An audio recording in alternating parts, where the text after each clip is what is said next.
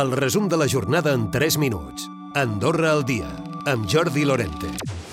Demòcrates no és favorable a facilitar que liberals entri al Consell General amb els moviments per fer govern davant del risc de perdre la majoria absoluta.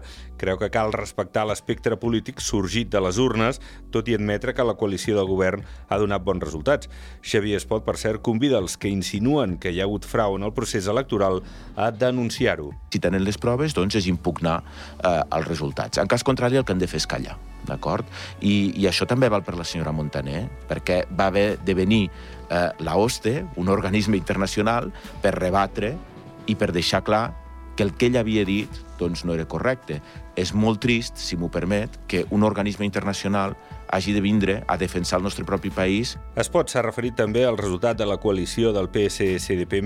Creu que Pere López està començant a fer autocrítica sobre els mals resultats i espera que Bartomeu també ho faci.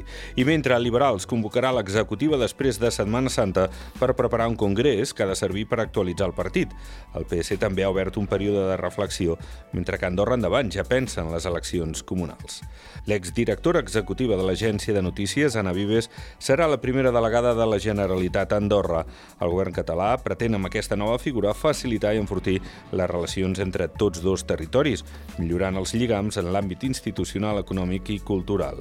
La recuperació de la pandèmia va provocar l'any passat un increment de l'activitat delictiva amb 1.100 detinguts.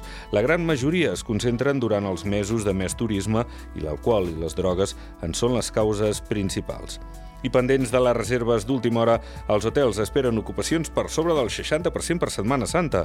La Vall Central concentrarà la majoria de pernoctacions amb establiments pròxims al 75% de la seva capacitat, afluència molt superior a la de l'última setmana, que tancava amb ocupacions al voltant del 50%.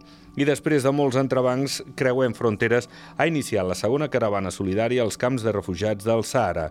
Han sortit d'Andorra una desena de vehicles carregats amb 10.000 quilos d'ajuda, com ara material per als hospitals, roba i menjar. La presidenta de Creuem Fronteres és Lluïsa Hurtado. Arriba un moment que dius, ostres, eh, estàs molt cansat, eh, costa sortir-te'n, eh, veus les dificultats i tu planteges, però per un altre costat hi ha l'altre costat que dius, no, no, eh, hem de tirar endavant, o sigui, sí o sí hem de tirar endavant perquè aquí molta gent ha fet esforços a donar-nos vehicles, Creu Roja ha donat els dos busos, ens han donat camions, ens han donat cotxes.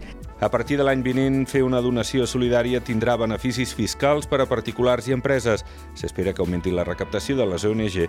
Aquí, hores d'ara, els costa arribar al donant. Projectes com el 12 x 12 han ajudat a fer-se conèixer. Recupera el resum de la jornada cada dia a AndorraDifusió.d i a les plataformes de podcast.